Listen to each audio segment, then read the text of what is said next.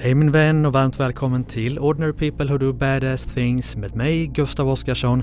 Idag träffar jag äntligen Rickard Lyko, mannen bakom den stora e-handelssuccén och retailsuccén Lyko.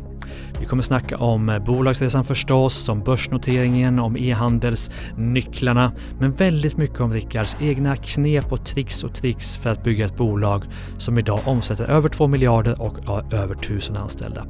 Det är ett av mina favoritavsnitt på länge så att eh, luta dig tillbaka och njut av mitt samtal med Rickard Lyko.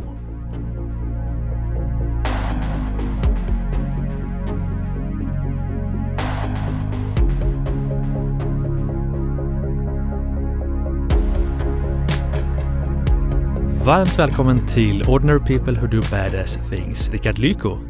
Stort tack! Läget? Kul att vara här. Ja. Eh, det är bra. Det är fantastiskt väder så man är sjukt pepp. Du kom in i de sjukaste orangea stövlarna jag någonsin har sett. Ja, jag Lite badass. eh, Ja men exakt. Nej, men man gillar när det kommer snö igen. Och jag var Ja. ute och njöt lite av det i morse här. Så det var, nej det är härligt. Så skön attityd ändå. De andra po- poddgästerna jag hade igår var liksom Åh, Göteborgsväder, det snöar åt sidan, det är inget härligt alls. men du kommer ju uppifrån så att Ja men exakt. det. Ja. Nej men det har varit så lite av det i, i år så att man, nej, får passa på att njuta. ja. Men du på en skala då från ordinary till badass, hur känns livet just nu? Eh, men just nu det känns det fantastiskt. Ja. Eh, på bra plats, det händer mycket. Det är ju spännande tider. Eh, jag tycker att det är ju spännande, det händer mycket. Sen är jag Sen är det mycket, mycket hemskt som händer såklart men, men utifrån det ändå liksom när det, det börjar röra sig och det finns, gör skillnad, man kan, kan påverka liksom. Det, det Varför är tiderna spännande för dig? Nej men det blir lite tuffare tider. Då är vi tillbaks till att inte bara så växa utan också växa med lönsamhet. Eh, och det gillar jag någonstans. När, när det liksom, man behöver se över både kostnadssidan och tillväxtsidan och att det inte bara är att gasa rakt fram liksom. Mm. Ska vi ta, för men ditt efternamn säger ju vem du är och Lyko har ju blivit ett enormt känt varumärke. Men för de som inte kan storyn liksom bakom Lyko, ska vi försöka sammanfatta den i någon form av kort short story? Eh, det kan vi göra. Nej men det är kortfattat så är det ju farfar efternamnet kommer ifrån som kom från Mm. Polen. Eh, sen som drev salong i Vansbro. Morsan farsan är ju frisörer och syrran är frisörer och det startade ju med hår och skägg i Dala-Järna som farsan startade 2003 och testade med e-handel och sen fick igång lite försäljning där och gjorde om det till en e-handel 2005 och så snurrade det på lite grann och så flyttade jag hem 2008 och så började vi liksom göra om det till aktiebolag och börja satsa om marknadsföring och ta in mer sortiment och, och börja växa egentligen. Eh, Mm. och på den, på den vägen är det. Det var väldigt, väldigt short story. Vi kanske ska ändå fördjupa oss innan vi kommer in mer på dig som person så kanske fördjupa oss lite i alla fall i bolagsresan. Mm. Lite milestones och platåer som ni hamnat på. För med 2008 till nu, så att vi har en tidshorisont på 15 år från att, liksom att, att det skulle bli någonting mer av det. Eh, När du ser tillbaka, liksom, vad, vad, för idag är det ju, vad omsätter det, 2 miljarder ish, lite mer? Ja, jag tror vi landade på två och en halv Ja, förra året. Då. typ 1000 anställda, Ja, något sånt. något sånt. Ja. Liksom, vad, vad har varit de stora milstolparna på vägen från att vara en, en frisörsalong egentligen till att, att bli det ni är idag? Jag vet, jag tror såklart eh, början, första anställningen, liksom komma igång med det, växa på, ta första bettet med tv-reklam och de här sakerna. Vi gick ju samman med ett annat bolag 2014 också. Där tog vi ju stort steg vad det var, vad det gällde att bygga organisation och sådär. Vi fick fler butiker, fick mer organisation. Sen, sen har vi noterat, eh, vi har gett oss ut i fler länder. Eh, så att ja, nej, det har varit en hel, helt gäng med sådana milstolpar liksom på, på vägen. Mm. V- vad är den största skillnaden då om vi jämför till exempel med 2000 inte vet jag, 14 när det var ett, ett miljonbolag till att vara ett miljardbolag. Vad kan du se det som att oj, det här skiljer sig enormt mycket? Men mycket hur man driver verksamheten, liksom att det är ju så många fler som blir påverkade och man behöver kommunicera på ett helt annat sätt. Man behöver sätta processerna på ett annat sätt och det, det är många fler som behöver förstå vad det är vi ska göra och eh, varför liksom. Och sen, sen tar ju allt mycket längre tid. Alltså i början och förut då, då kunde man ju komma på en idé och så gen- genomförde man den på eftermiddagen mer eller mindre. Nu får det mycket större konsekvenser. Eh, just nu tittar vi på, vi håller på att bygga ut lagret, vi ska implementera automation eh, i den nya delen av lagret. Vi siktar väl på att vara klara någon gång i sommaren, efter sommaren 2025 eller något sånt där. Eh, det är liksom helt andra projekt och mycket längre Mm. tid och det är väldigt många fler inblandade och, och eh, det kräver mer planering. Liksom. Och vad krävs då av dig som ledare? Jag menar att som många av oss entreprenörer känner igen att man kommer på någonting och så ändrar man det på en gång.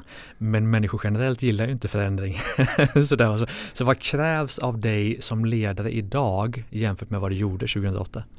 Jag tror att eh, jag måste ta ur mer av det jag tänker tidigare och dela med mig av det. Mm. Som ett exempel är ju då att, ja men säg att vi ska göra den här utbyggnaden eller automationen eller vad det ska vara liksom, om jag kommer på det så måste jag, så här, när jag har tänkt på det och så har jag gått och tänkt på det där i ett halvår eller vad det kan vara eller mm. funderat på det liksom sådär. Sen när jag berättar det för första gången då är det första gången någon annan hör det. Sen mm. behöver ju de minst lika mycket tid som förmodligen jag behöver för att sätta mig in och landa i frågan.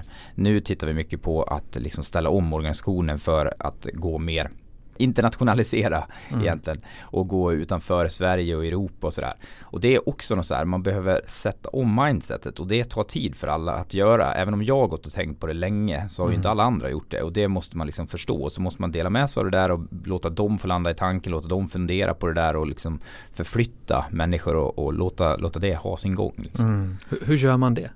Ja, men kommunicera mycket, mm. prata mycket. Eh, jag gillade ju förut att komma in på möten och så överraskade man lite med en ny idé eller mm. så här, och man vill inte riktigt avslöja den innan liksom. Och det får man gå helt åt andra hållet. Det gäller ju att ta med människor mycket tidigare i tankarna mm. och bolla mycket mer. Och, och, få in dem och få dem också att fundera på det liksom sådär. Jäkligt intressant just därför jag känner igen det att man går och tänker på någonting under ofta lång tid och så kommer man med en färdig idé. Och mm. Svårt för någon, speciellt om du är vd eller grundare av ett bolag att, att säga emot då eventuellt beroende på vilken kultur du har. Och, och sen ska man ta sig an en idé som kommer från någon annan istället för att man har varit med och eh, skapat den själv. Så att ja, jag förstår precis vad du menar. Finns det något annat där som du känner att, att skillnad på dig då mot nu? I din person, i ditt ledarskap? Eh, väldigt mycket. Ja. det, det Man försöker liksom att hitta, hitta ja. vad det är. Nej men det, det mesta, alltså mm. jag kom ju då från att eh, så här, eh, hållit på med elitidrott och eh, liksom skidskytte var det framförallt mm. där, där du bara har, har det själv liksom. Du blir väldigt självfokuserad och tittar på dig själv och det bästa egenskapen är att bita ihop och köra på liksom. Mm. Och, och, det är liksom raka motsatsen med det man håller på med nu. Det är ju lagsport gånger tusen mm. liksom. så det, det, är väl den verkligen stor skillnad liksom att jobba med sig själv och den förändringsresan man behöver göra. Det, den, eh, nej, men den är jättestor och de egenskaperna som var bra som var min styrka 2008 det är ju snarare liksom en, en nackdel nu liksom. Mm, just det. Du, eh, vi går tillbaka lite till innan 2008 när du, du tävlade på elitnivå. Men vilka egenskaper tror du har gjort ändå att alltså, du har kunnat ta bolaget från det det var då till att vara det det är nu? För menar, det är inte alla som gör det. Vad är det som, vad är det som, jag vet inte om du vill kalla dig själv unik, men vad är det som ändå gör dig unik på något sätt? Men den stora faktorn det, det, tror jag är tur och timing. Mm. Att vi startade då, att farsan hade dragit igång e-handeln, att jag flyttade hem och alla omständigheterna i det där. Mm. Sen är det klart att det var ju fler som startade ungefär samtidigt. Eh, och vad var det som gjorde att vi kom längre än andra? Mm. Och det tror jag var att vi satsade och vågade verkligen satsa och vi hade en tydlig målsättning med att växa liksom. Och framförallt också att vi tog in fler personer som hjälpte till i det där. Och eh, att eh, jag liksom lyckades med att plocka in andra människor som också brann för att eh, göra det här. Mm. Vad känner du nu där? Är du lite fat and happy? Har du kommit ut du vill eller finns det liksom många steg till att ta? Ja, men det är det jag tycker är så enormt inspirerande. Nu har vi varit nere och rekryterat i Warszawa och Berlin och mm. Amsterdam och då liksom när vi försöker söka kandidater där det är liksom så här who the fuck is Lycko liksom. Mm. De, de har inte en aning om vilka vi är. Vi är ju sämst på allt i Polen och ingen bryr sig liksom. Mm. Det tycker jag är sjukt inspirerande. För det är så här, vi är, vi är tillbaks till 2008 mer eller mindre. Vi måste ju liksom bevisa oss allt, vi måste göra allt mycket bättre, vi måste vara mer polska än vad de polska e-handlarna är. För vi, vi har liksom inget unikt i vårt erbjudande. Vi har ju säljer samma produkter, vi är, vi är e-handel med butiker och sådär. Så vi måste liksom bevisa oss och det tycker jag är sjukt kul och det Alltså är man där, man ser det finns precis hur mycket kvar som helst att göra. Vi har mm. liksom inte ens skrapat på ytan. Alltså Norden är ett enormt litet land. Mm. Vi har ju snackat om att vi, vi ska omsätta 10 miljarder 2028. Och det kan låta mycket men i en europeisk perspektiv så är vi fortfarande väldigt små. Skulle Mm. vi nå 10 miljarder så är vi liksom fortfarande inte i närheten av eh, Douglas och andra spelare där Mm. ute i Europa. Liksom. Och de här 10 miljarderna då, vad, är nyckeln för att nå dem? Är det att, att förbättra e-handeln? Eller vad är liksom huvudnyckeln som ni ser det nu? Ja, men huvudnyckeln är organisation skulle jag säga. Mm. För det gäller att nu ta de här kliven tillsammans med de här tusen anställda. För det är klart att vad jag gör eller vilka initiativ vi tar det spelar mindre roll om inte alla de här andra tusen går åt rätt, eh, rätt håll och Mm. liksom fortsätter utveckla bolaget. Så att nu handlar det just om att ställa om bolaget till att en del av bolaget ska fo- fokusera väldigt mycket på hur gör vi, hur tar vi Europa samtidigt som vi ska bli ännu bättre i Sverige och ännu bättre i Norge och ännu bättre i Finland och Danmark. Och då Mm. behöver vi liksom bryta isär organisationen till viss del. Så vi har några som fokuserar på hur blir vi bäst i Norge? Eller hur blir vi bäst i Göteborg? Mm. Och just att det där tänka lokalt och centralt och liksom någonstans att vissa tänker på helheten och sen vissa fortsätter titta på detaljerna eh, där nere i, liksom där, där de hör hemma för att liksom vara bäst där så vi Mm. inte tappar affären och inte tappar kunden. Så. För kunden i Göteborg bryr sig inte om om vi blir stora i Tyskland eller inte Mm. kunden i Göteborg bryr sig inte om att vår affär blir mycket mer komplex och att vi bygger system som löser det.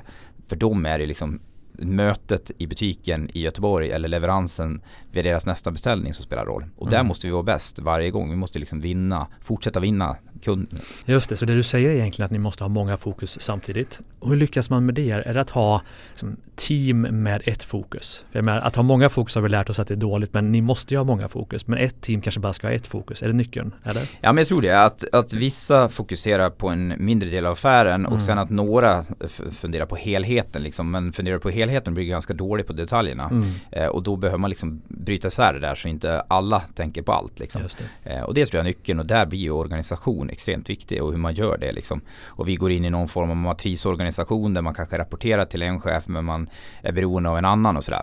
Mm. Och matrisorganisation, jag har ingen erfarenhet av det, läst på lite om det och eh, det är väl det minst dåliga. Eh, det, det liksom finns ingen bättre lösning men, man vet också att det är en svår Vad, vad innebär det? Det är egentligen om vi tänker som i Norge att det blir du läst i böckerna? Ja precis. Nej men det är väl att man, man håller ihop organisationen i en norsk organisation eller en polsk organisation. Men Mm. sen är det ju flera delar i den som det kanske är en marknadsansvarig som eh, har mer kontakt med, med marknad centralt liksom Mm. än, än den lokala. Men man hör, tillhör ändå den lokala organisationen och sådär. Mm.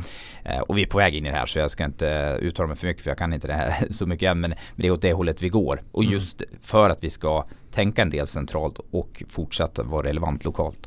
Men du är ju inne på någonting spännande för du säger att matrisorganisation det är det vi ska jobba med framåt. Men du säger själv att du inte vet någonting om det. Ändå är du högsta operativa chefen.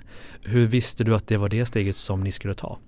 Eh, men det visste jag väl inte. Jag visste att vi behövde liksom tänka mer internationalisering Mm. eh, och då började jag lyssna på en del böcker, började diskutera med ledningsgruppen och eh, även externt liksom i styrelse och annat liksom för att ta input kring det. Och jag tror att det är nyckeln liksom är ju att erkänna för sig själv att man inte kan det.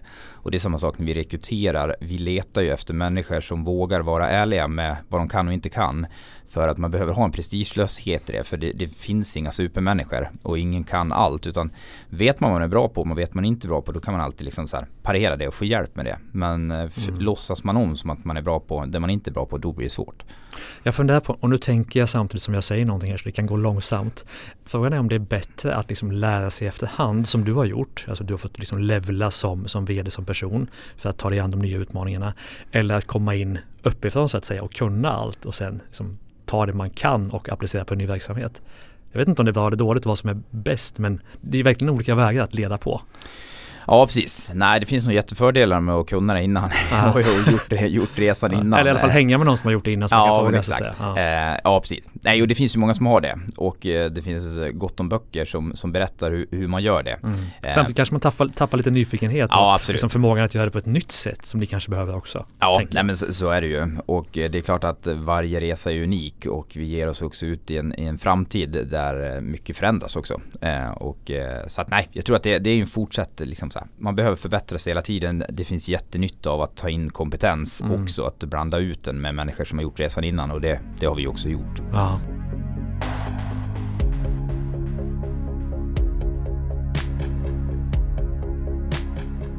Vad är framtiden då? Alltså, I många av poddarna jag spelat in de sista dagarna så har vi pratat mycket om AI. Alltså hur tänker du kring AI till exempel?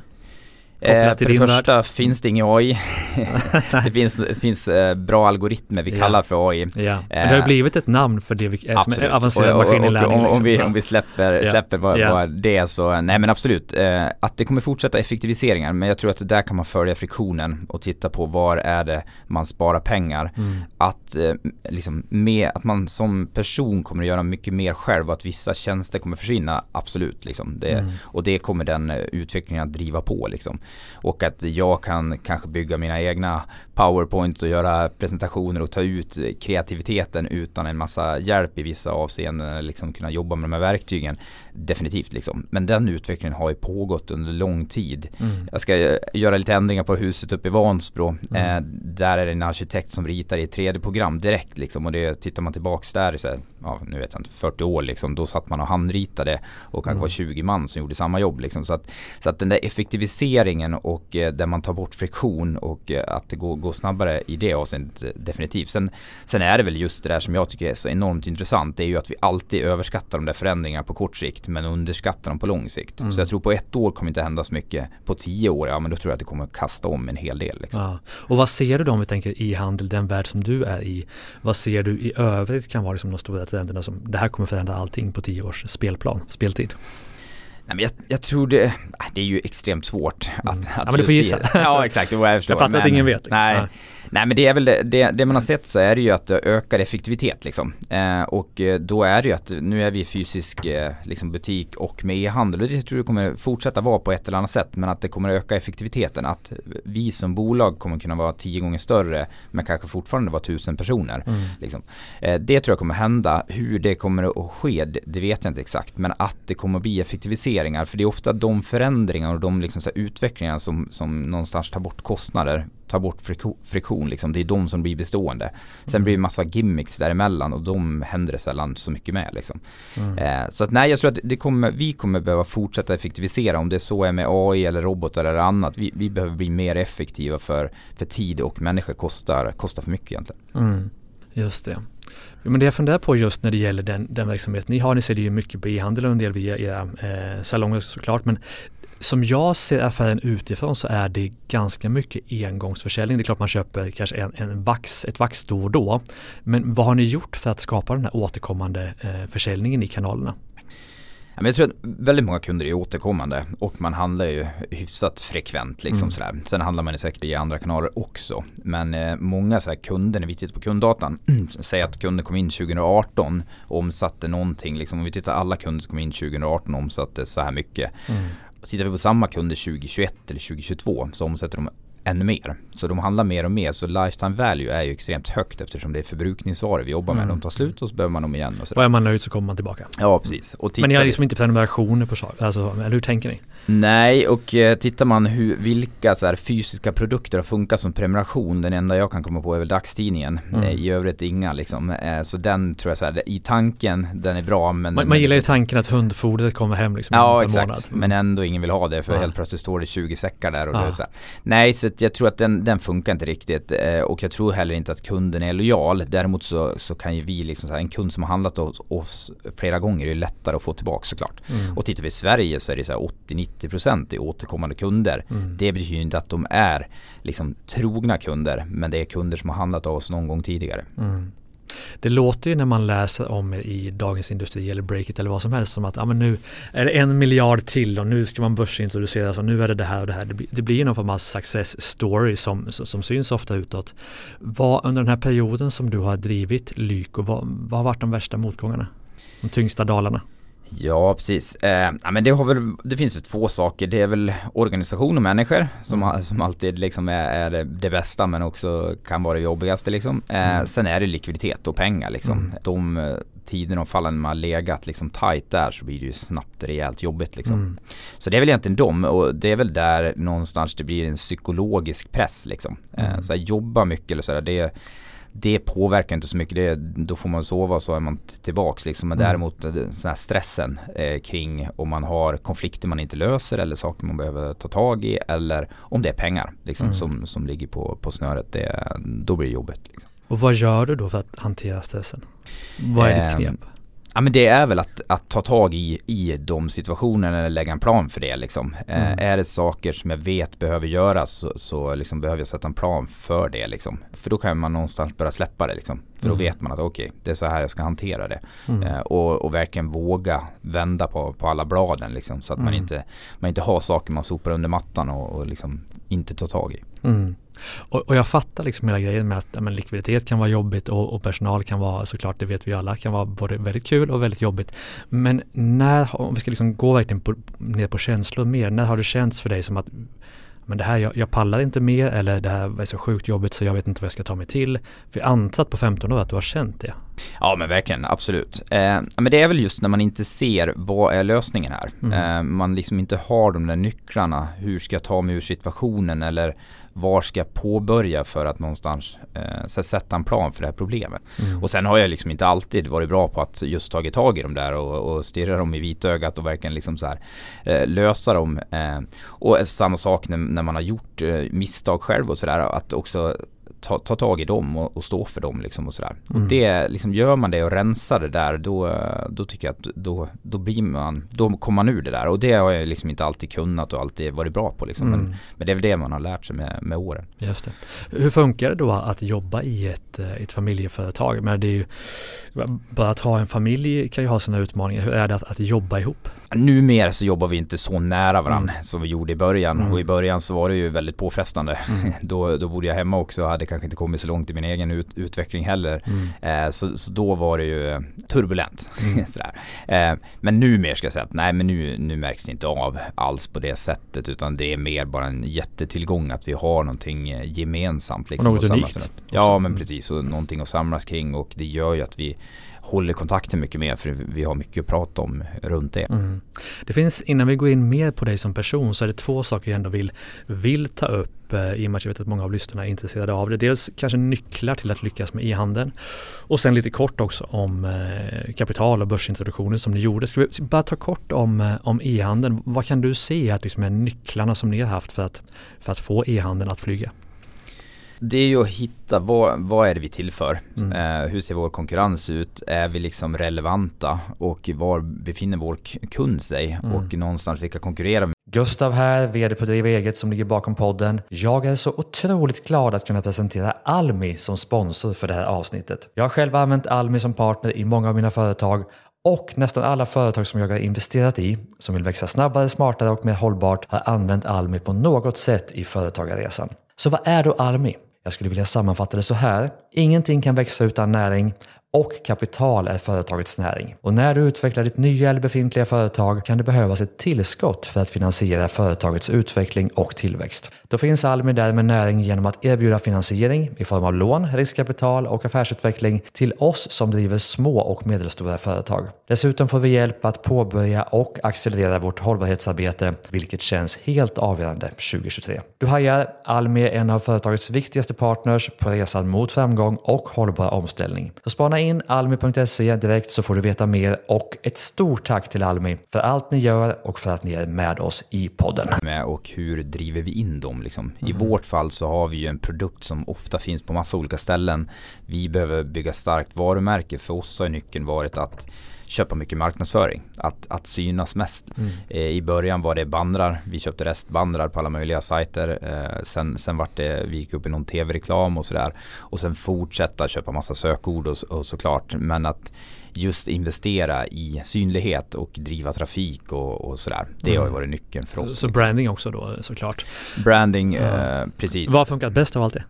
Eh, men det är nog kombinationen. Liksom. För ibland är det något som bara, det där gjorde det.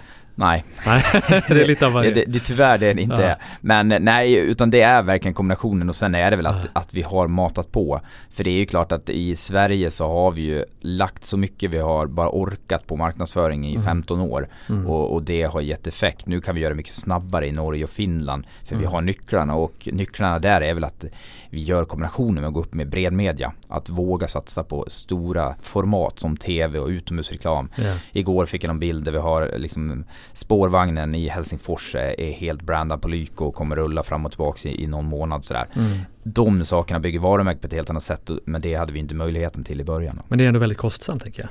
Det är kostsamt men när det blir större så blir de större formaten blir billigare. Det är Aha. som Super Bowl är ju bland det billigaste du kan investera i om du heter Coca-Cola och du räknar per capita. Yeah. För att du når så extremt många, mm. extremt stort liksom. Men det är väldigt mycket pengar. Mm. Och det är det som händer för oss. Alltså tv-reklam och de här stora formaten blir billigare med åren för vi mm. får mer och mer effekt av dem. Mm. För att vi, vi når fler och vi är relevanta för fler. Mm. Fast jag vill ändå försöka förstå för att säga, att allt har gett någonting. Alltså, det måste ju ändå funnits någon gång i handeln bara tog fart. Alltså fanns det inte någonting som bara, det här funkade för oss. Jag fattar att det inte funkar för alla men ni måste ändå haft någon sån, liksom så här, något moment, det bara shit nu tar det fart.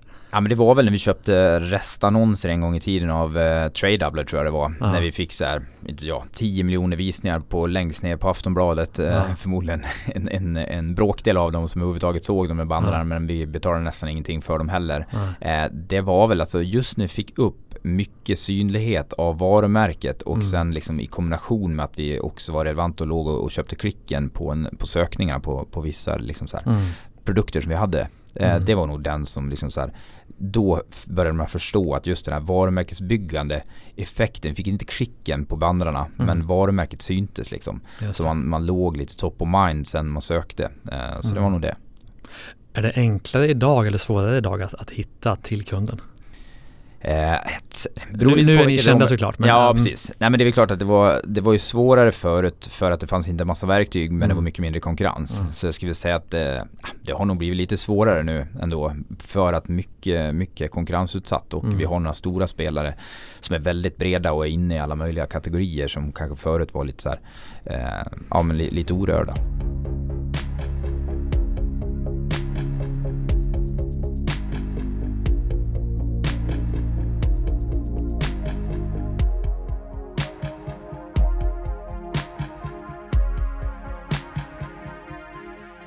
Men du, om vi hoppar från e-handel då till eh, börsintroduktionen. Tog ni in kapital innan börsen? Kommer inte jag ihåg. Nej, utan det vi gjorde var ju att vi gick samman med ett bolag som heter Bellbox som hade butikskedjor mm. och då tog vi upp ett lån och det var det lånet som vi refinansierade genom noteringen sen. Just det. Så. Mm. Vad var syftet med det? För det, kan ju, det blir ju en annan sak, att, speciellt när man är ett familjeföretag, att ta det till börsen när det är så kopplat på ett sätt till er som, som familj. Kan, kan du bara ta oss igenom lite tankarna och, och hur ni gjorde och hur det gick?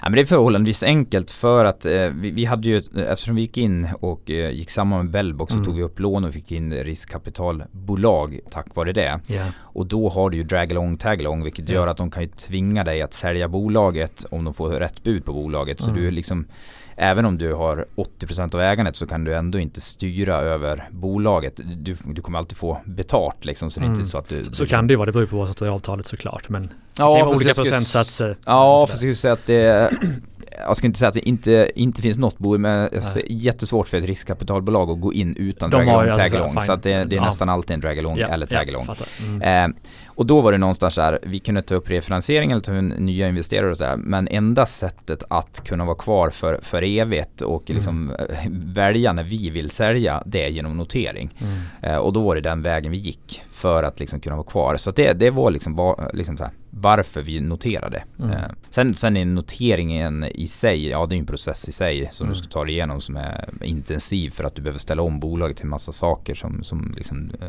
kraven är på börsen. Liksom. Mm. Men mycket av det är ju väldigt bra också för det gör ju också att du mognar som bolag på ett helt mm. annat sätt. Hur mycket äger ni idag i familjen? Eh, vi äger väl 50,1 procent. Skönt. Mm. Ja, precis. men, men, men även ändå, alltså, du har fått in andra ägare naturligtvis genom börsen och riskkapitalbolaget kanske ligger kvar eventuellt. Hur är det liksom att driva ett familjeföretag men samtidigt ha så många andra att rapportera till och så mycket ansvar för andras pengar?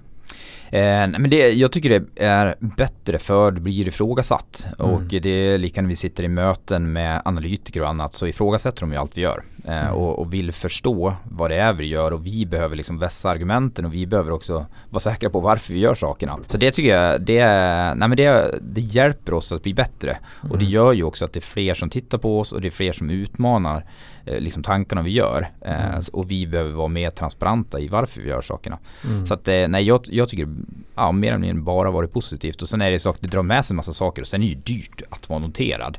Men när det börjar bli större bolag så är, det, är ju det liksom så här Ja, det, det, det kan man hantera. Mm. Men, men som mindre bolag skulle jag absolut inte rekommendera det. Nej. Men apropå då eh, miljarder i omsättning och eh, börsen och sådär. Vad, vad är din relation till, till pengar? Eh, ja, vad är min relation till pengar? Eh, nej men jag har väl alltid varit sjukt snål liksom Mm. sådär. Eh, Det, det behöver- det måste du fastna där. Liksom. Vad innebär det i vardagen? Nej men jag, jag, jag har sparat eh, till allting jag gjort och det är klart att sen eh, jag flyttade hemifrån när jag var 16 år Mm. eh, och hade väldigt lite pengar att röra mig med. Så, så jag sparade väldigt mycket. Sen när jag började plugga så jobbade jag hela somrarna och sparade väldigt mycket pengar. Eh, sådär, så att jag hade också startkapitalet när vi drog igång liksom. Mm. Sen är det klart att jag har kört det här i 15 år och vi har ju aldrig fått ut likviditet ur bolaget. Vi har ju liksom aldrig Ingen delexit eh, utdelning? Nej och lika när vi noterade, vi fick ju inte ut en krona. Ja. Sen har jag få- fått lön hela tiden liksom Ja. sådär och nu har jag en bra lön liksom. Så att, så att nu har jag ju lik- likviditet att röra mig med så liksom. Men, men jag har du levt mer eller mindre hela livet och varit snål så att du får lite så här, du får lite skev bild till pengar liksom. Ja. Eh, den har blivit bättre men, men, men jag har fortfarande svårt, eh, det gör liksom ont när man eh, spenderar dem. Men vad innebär det? Okej, ni går ut och käkar och du bara nej jag tar nog eh, Wallenberg, den är dyr. Jag tar en, en kotlett liksom. Alltså var det förut, jag har faktiskt kommit över det. Jag har Ja. blivit bättre där ska jag Ja. säga. Eh, men, men jag tycker fortfarande så här, sen, sen jag, jag vill ha väldigt respekt för pengar och jag Ja. har respekt för pengar liksom så men eh, och jag är inte riktigt där, där längre liksom men, Ja. eh, men ja det, det är nog så jag är uppväxt med. Men ändå spännande då att, att ha en så pass stor del i ett bolag som är värt så pass mycket. Jag vet inte vad värderingen ligger på nu, alltså börsvärdet på bolaget. Nej vad kan det vara? Ja men 2,5-3 miljarder kanske. Mm, Något sånt. Något sånt. Och så ha en så pass stor del av det på pappret då naturligtvis. Mm, mm. Det känns ju som att vad gör du med den? Alltså för du måste ändå ha tänkt tankarna kring det. Alltså och, oj nu har jag så här mycket pengar. Va, va, vad gör det med dig som person?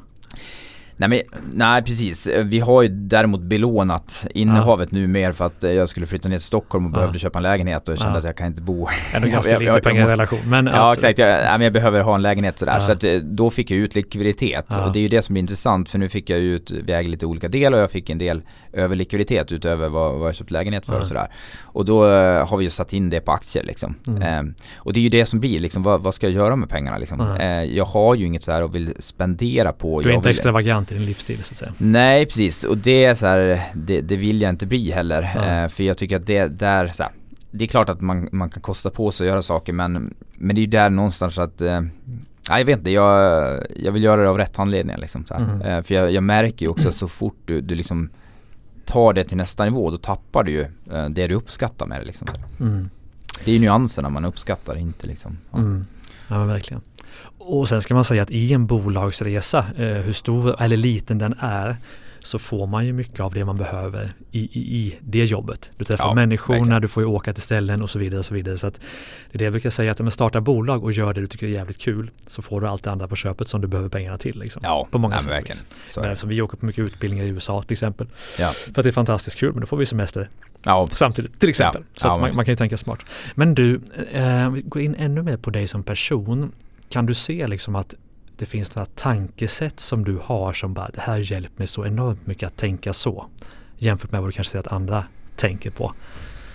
Ja, men jag, jag tror jag, det är väl det här Steve Jobs eh, citatet liksom när du, när du bara inser att allt, allt runt om dig är, är påhittat av människor som inte är smartare än vad du är. Mm. Eh, det är den som jag tycker blir så intressant när man inser det. Liksom att här, man tror att så mycket är svårt och att det är så här avancerat och att det finns så mycket genier. Mm. Det finns säkert en del genier liksom men det är extremt få. Eh, det mesta är ju inte så svårt liksom. Mm. Och ofta är det när du kommer ner i detaljerna så inser du att jaha, det var inte svårare än så här. Sen liksom på utsidan ser det ju jätte, jätteavancerat ut och det är ju Mm. som att, att driva Lyko och, och vara VD på Lyko. Det är inget svårt liksom.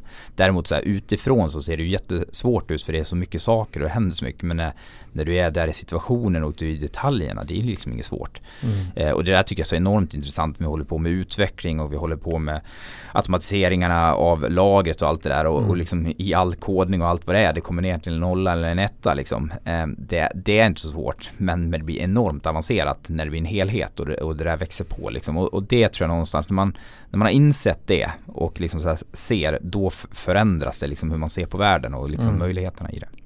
Fanns det någon fas i under de här 15 åren som har varit, som har varit svår jämfört med de andra? Nej, men det har gett sig ut på de här nya områdena, alltifrån notering till, till annat. Jag, jag har ju liksom ingen aning om hur gör man det liksom. Mm. Och det är liksom en ny värld där det är en massa nycklar du behöver som mm. du liksom inte känner till. Och det är ju det, innan du har de där nycklarna så är det jättesvårt. Eh, jag kommer ihåg när jag skulle ta över som vd efter noteringen också så, här, så tänker man hur skriver man ett vd-ord liksom. Jag är mm. värdelös på att skriva och ganska dålig på att formulera mig så. Mm. Eh, men det finns ju nycklar. Det finns ju personer som du kan betala på stan som gör det åt dig. Mm. Nu, numera har vi internt eh, som skriver det liksom sådär. Men eh, men det finns ju massa nycklar och har mm. de där nycklarna så inser du att ja, okej, det var inte svårare än så. Du behöver inte göra allt själv. Liksom. Men hur hittar man nycklarna? Alltså, frågar man någon, läser man en bok, vad har varit din, ditt go-to-place? Eh, ja, men det har nog varit lite olika, mm. eh, allt däremellan liksom. Eh, men i det fallet så är det ju börja ta massa möten och börja liksom börja gräva någonstans, börja ställa frågor och, och liksom ta sig vidare från, från det. Mm. Eh, vi var nere i Bologna här på Cosmoprov som är världens största så här, skönhetsmässa kring tillverkning och sådär. Och vi var ner där för jag vet inte om det var tio år sedan. Jag hade ingen aning om någonting. Visst, vi tänkte vi skulle ha en egen private label mascara. Liksom tänkte kan vi hitta någon som kan göra det? Till att vi åker ner nu, vi är 11 personer och vi tillverkar massa, vi har fabriker och vi, vi köper från alla möjliga av de här kategorierna och vi har koll på läget. Och nu kan jag berätta liksom för andra hur det, det där fungerar. Då hade jag ingen, ingen susning och mm. vi åkte ner på vinst eller förlust och, och, började liksom gå runt och leta och lyssnade och fick lite hjälp av någon och sådär. Mm. Så det, det är väl så, man måste börja någonstans liksom. Mm. Men apropå det här att våga ta nästa steg utan att veta vad som finns bakom dörren eh, så tycker jag det är väldigt spännande att prata om nästa steg både i våra egna liv och i våra bolag men också för, för världen som sådan. När du tänker på, på världen som den ser ut idag och vart den är på väg, vad, hur går dina tankar då? Ja, just nu är det väl maktskiftet, världs, äh, världsordningen som håller på att kanske förändras. Mm. Äh, på vilket det, sätt? Ja, jag tänker mot, mot Kina ja. liksom, och Ryssland kontra USA. Liksom sådär. Äh, vi får väl se. det, det, är, det, det är ju Ja, det är ju intressant mm. eh, och spännande och eh, svaret är väl någonstans, man kan kolla i historien och många gånger upprepar den sig. Eh, och vi har förmodligen varit där tidigare.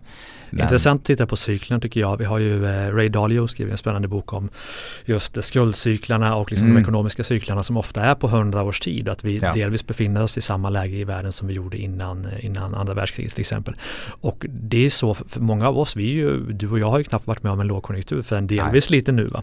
Och att, att se de här långa cyklerna, cyklerna som kanske är på hundra år, det, det, gör man ju inte om man inte läser sig till dem. Nej. Så att vi är ju lost i det kortsiktiga, tyvärr. This time is different. Ja, exakt, exakt. ja, nej, det är svårt. Samtidigt det, måste man vara mm. optimist också och liksom ja, vara absolut. positiv. Annars hamnar man ju, annars vågar man inte ta en risk överhuvudtaget. Nej, och det man vet är ju att det är ju de, de största bolagen om man tittar historiskt sett. Det är ju de som, som klarar av att ta sig igenom dem och växa. Som startar ofta i lågkonjunktur. Ja, också, precis. Eller ta sig igenom och fortsätta växa i dem. Liksom sådär. Mm. Eh, och det tycker jag också blir stående när man har hållit på nu ett tag. Det viktiga är ju inte hur mycket man växer ett år utan det viktiga är att man fortsätter växa hela tiden. Mm. Liksom. Och då blir det tillbaka till det där. Man överskattar förändring på ett år kontra tio år. Mm. Och det tycker jag ju verkligen är när vi har drivit bolag också. Så här, att man, man överskattar ofta vad, vad, vi ska kunna åstadkomma på ett år. Men mm. sen tittar man tio år och det är liksom där vi står idag, de initiativen vi tar. Om vi tänker på de initiativen och sen tio mm. år framåt, de får så enorm effekt och enorm konsekvens. Liksom. Mm. Eh, och det tycker jag är enormt spännande. Mm. Jag läste någonstans att största anledningen till att företag växer är att man bestämmer sig för att växa. Mm, ja så kan det nog vara. Håller du med? Ja, jo, det, ja, ja, absolut det tror jag. Nej och jag tycker vi har gjort en del förvärv och sådär. Man mm. inser också när man kommer i kontakt med andra bolag men även externa parter vi jobbar med. Mm. Precis det du är inne på. Alltså många kanske säger att vi, vi vill växa. Vi skulle bli, bli dubbelt så stora eller vi mm. skulle vilja växa 20% eller vad det är. Men man gör ingenting med det. Mm. Man, man, man, tänker att det vore skönt om, det blev så. Mm. Och det är väl någonstans det vi gör. Det är ju så här att nu ställer vi om för de här 10 miljarderna eller internationalisering. Vi tar en jäkla massa initiativ som är mm. ganska jobbiga. Mm. Och det är klart att vi behöver ju inte göra det. Om vi, om vi inte ska bli större behöver på vi inte göra det. bekostnad av lönsamhet på kort sikt såklart. Ja, det och framförallt också liksom att, att det river upp en massa Mm. saker. Men det är ju det också som ger oss förutsättningarna att just fortsätta växa. Mm. Men vad är drivkraften för det? Om, om det nu inte är pengar vi kommer fram till, vad är, vad är drivkraften för att bli omsatta 10 miljarder istället för 2,5? Nej, jag, Varför jag, är det viktigt? Men jag, jag tror att jag drivs ju av mitt ego Mm. eh, och bekräftelsen av egot och du kan välja vad du fyller det med liksom. ja, men det borde ju vara ganska fyllt för du har ju, här, tycker jag, lyckats väldigt väl med det ni har gjort. Ja det är ju det som är så fantastiskt med Ja. egot att det blir aldrig mätt. Exakt. Det fortsätter liksom. Vi Eh, hade ju, igår hade jag ju eh, Erik Martinsson här som du kanske vet, Svea Solar. mm. Eh, fantastiskt bolag också eh, Mm. som, som växer jättefort. Och, och jag sa, men liksom grattis till framgångarna och att ni har lyckats så väl. Han, Vadå vi ska omsätta 50 miljarder? Alltså vi har inte kommit någonstans. Nej, Det är så jävla precis. spännande. Ja, precis. Ja. Nej men det, det, det gäller bara, sen tror jag man, man måste ha nykter syn på det där och kunna hantera det. Mm. Eh, annars blir man nog odräglig i, Mm. i det liksom. Men, nej men jag tror att det, det, är, det är ju det att se hur långt man kan ta det liksom. Mm. Och det kommer ju aldrig ta stopp liksom. Jag tror att du behöver alltid ha, ha någonting och där kommer det ett driv. Eh, och sen eh, om du tar drivet och sen sätter du in lite disciplin på det liksom. Då, då får man ett bra sätt att ta det där framåt och liksom fortsätta vilja liksom försöka och komma längre liksom.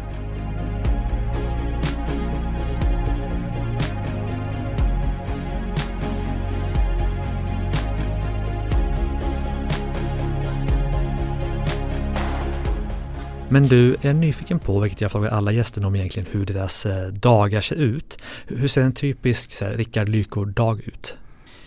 Eh, ja men det är väl en sån här dag då. Ja, Då ringer klockan klockan eh, fem. Idag var det löpning så jag var ute och sprang i ja. en sväng och sen kom man hem. Spelar ingen roll att det är snö liksom, eller Nej precis, det Ja. spelar ingen roll. Eh, vinnarvärde som kunde. Ja men Apropå exakt. Vansbro liksom. Ja men verkligen. Eh, nej men man kommer in i det och det är så här, jag, jag försöker göra det varje dag liksom Ut och oavsett. springer varje dag klockan fem. Ja jag, jag varierar med styrketräning Ja. varannan Ja. och löpning och sådär. Fan vad härligt. Ja. Ehm, nej, sen är det väl en dusch på det. Jag har börjat köra kalldusch sista, kör, sista minuten eller så här, vrider på kallaste. Den tycker jag också har jättekick och sen... Mm. Ja. ehm, Och det finns ju forskning som säger att det är jäkligt. Ja, det är också precis. jäkligt skönt. Man Ja, blir så men sjukt exakt. pigg av det. Liksom. Ja men verkligen, Ja. man får en, får en kick av det. Mm. Eh, nej men sen har jag testat nu och så här eh, ett, eh, ja nu kanske det är ett halvår men skippat eh, och käka fram till lunch egentligen. Ja. Eh, tycker jag också funkar, av funkar bra. 8-16 fasta? Ja eller? något sånt, jag Ja. vet inte, jag blir påverkad. Jag tittar en del TikTok här för att komma in i, Okej. i det där och man, man blir påverkad. Nej men Ja. jag tycker det, det har funkat bra så här. om jag vill dra ner mitt totala kaloriintag så Mm. det var enklaste sättet att göra på det för jag har svårt att dra ner på hur mycket jag äter. Liksom. För det är det som är grejen, att jag gillar ju den tanken. Det finns ju jättemycket forskning bakom periodisk fasta och den här Mm, fastan mm. och låta magen och kroppen vila varje dag då Ja. eh, och ha ett ätfönster.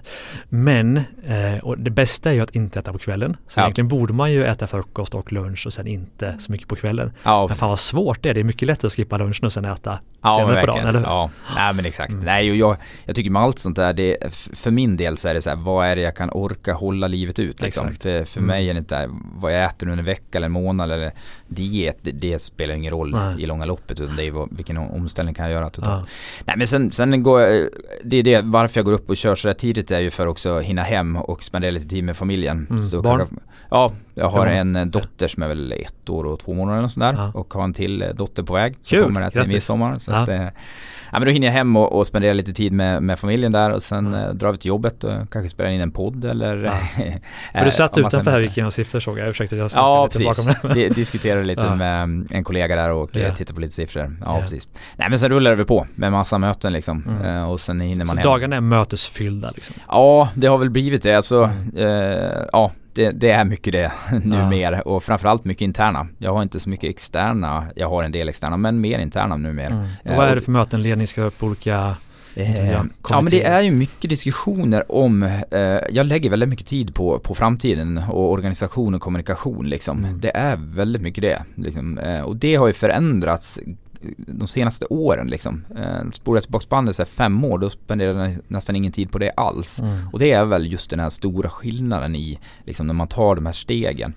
Och sen är det ju så mycket projekt liksom som, som löper under lång tid och, och är många med och det, det är massa liksom där som man vill bolla och diskutera. Mm. Men sen är det mycket lägga tid på det här just hur, hur ska vi liksom agera de kommande åren? Vad är det vi behöver ta för initiativ nu för att lösa dem? För sen den här dagliga driften och allt som händer i vardagen det, det sköter sig själv i Mm. mångt och mycket. Utan jag lägger väldigt mycket tid på framtiden Mm. eh, och eh, spenderar med att, att diskutera det. Mm.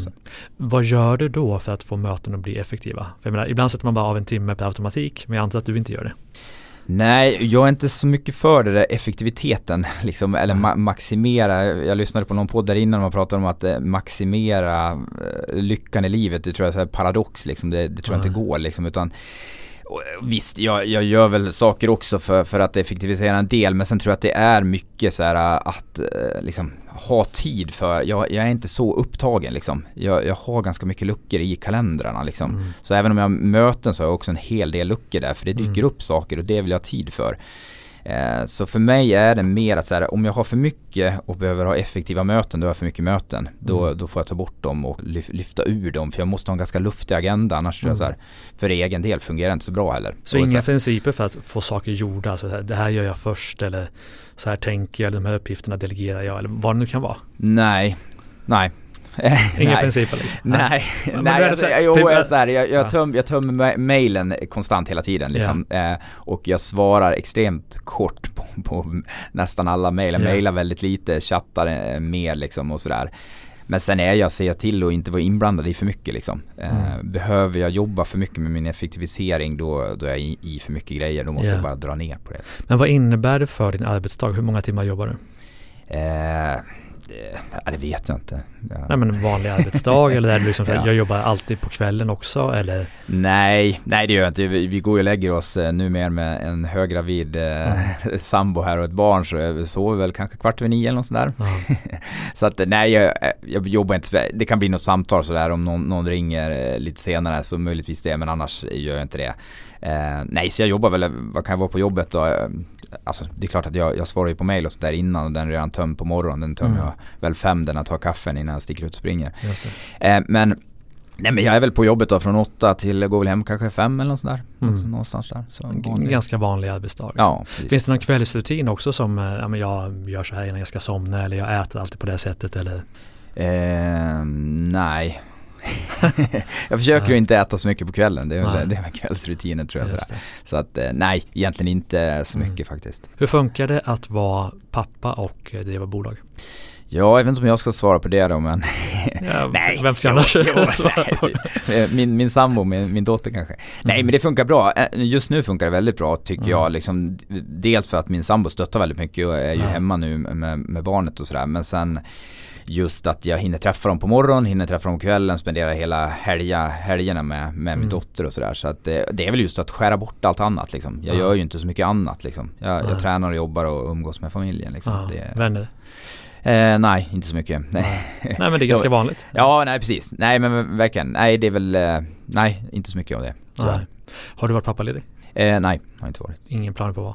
Eh, jag vet inte. Eh, jag ska nog försöka någonting men nej, ja, den är tyvärr lite, mm. lite öppen. Jag hade nog någon plan om att någon dag i veckan. Vi, ja. vi håller på fortfarande titta på exakt hur vi ska lägga upp det där. Men, men förhoppningsvis, jag, mm. jag skulle gärna vilja vara det. Hur går de diskussionerna? För jag fattar att det liksom, du har ett stort engagemang och nu har jag ingen aning om vad, vad din tjej eller fru eller man, jag har ingen aning vem du, nej, vem du är ihop med. Men liksom, hur, hur går de diskussionerna i och med att eh, du inte har varit pappaledig? Eh, nej men vi, ja, vi är öppna i den dialogen liksom så här. Och för mig är så här, jag kan anpassa mig till det mesta liksom. Mm. Jag har inget problem med det liksom. Så skulle hon vilja jobba nu så då, då får jag anpassa mig efter det. Mm. Och jag, jag tror så här, det är väl kanske så här en, en av mina fördelar och kanske till viss del ibland nackdel liksom. Men jag är väldigt anpassningsbar. Så mm. jag, jag trivdes jättebra, jag bodde i Vansbro i tio år så nu har jag flyttat ner hit till Stockholm och bott här i ett eller två år eller vad det är. Jag trivs bra här också. Eh, så jag, jag trivs bra nästan överallt. Liksom, mm. eh, och det är väl kanske det som också har gjort att jag har kunnat vara kvar och driva bolaget också. Att jag anpassar mig utifrån de nya situationerna. Liksom. Jag, mm. jag älskar det vi är nu. Men jag tyckte också det var fantastiskt 2008 när jag sprang och plockade ordrar. Liksom. Mm. Så att jag vet inte, jag, jag tycker att jag, jag, så här, jag är mycket för det här att eh, man ska inte älska det man, man ska inte göra det man älskar, man ska älska det man gör. Mm. Eh, så mer den inställningen. Mm. Och en stor eloge till dig som har lyckats, för det är ganska få som lyckas vara vd från ett, ett litet bolag till, till ett miljardbolag. Det är mm. väldigt få som mm. passar i alla de faserna och det kanske du inte har gjort hela, i varje fas eller vad vet jag. Men att ändå hänga i och hela tiden ta de stegen, det är verkligen ett, eh, en eloge till dig för det. Ja, nej precis eh, och det, det gör man nog inte men däremot så behöver man ju äh, sätta upp liksom personer runt om för att liksom passa i det. Och det är som mm. nu, jag menar vi, vi har en grym ledningsgrupp och jag har stöttning ut, utan, äh, bredvid den också liksom mm. för att liksom kunna utföra Coach, jobbet. mentor? Eh, nej, eller det får jag av, av alla runt mig. Yeah. Mm. hela dagarna. Så att eh, så nej, får mycket där. Vad är det nu? För tiden går ju som alltid fort när man snackar mm. om spännande saker. Vad är, det, vad är det som du känner att det här borde vi ha snackat om som vi har missat?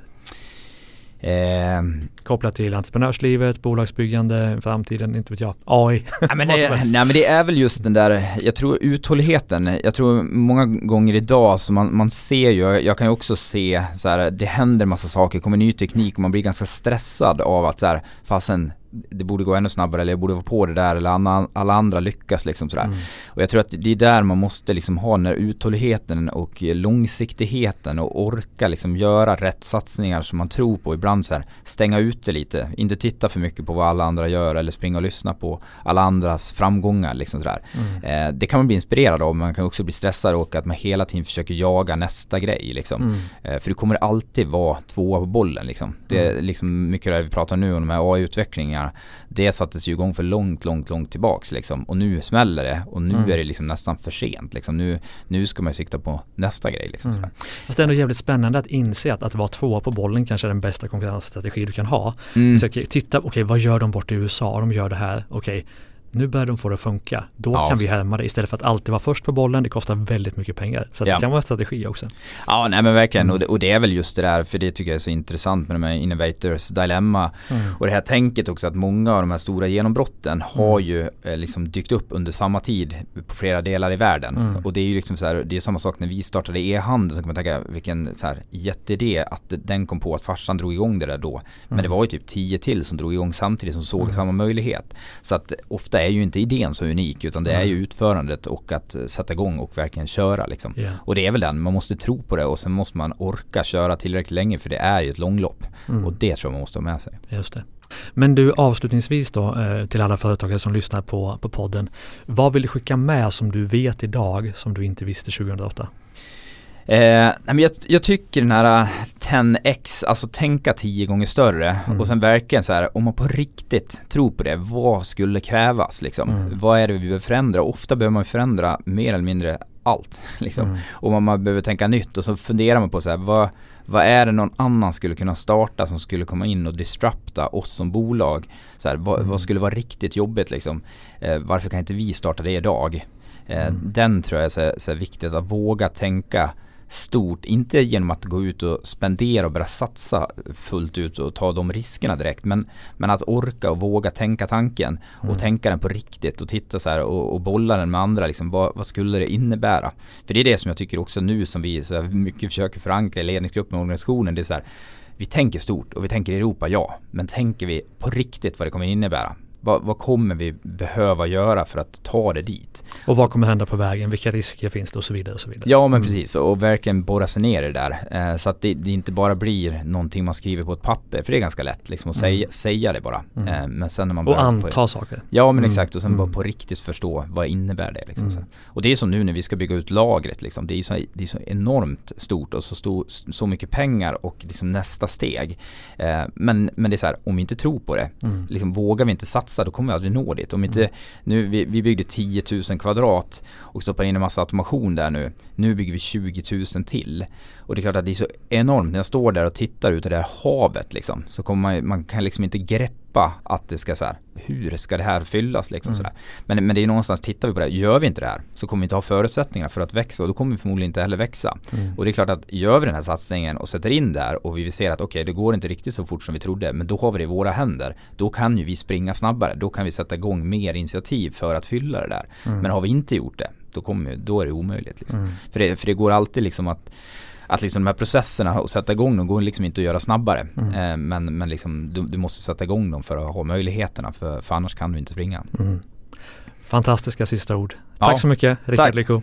Och tack till dig som lyssnar. Glöm inte att signa upp för en prenumeration på Ordinary People Who Do Badass Things och även på våra andra poddar. Starta eget-podden och Business Hacks. Stort tack för idag. Hej då.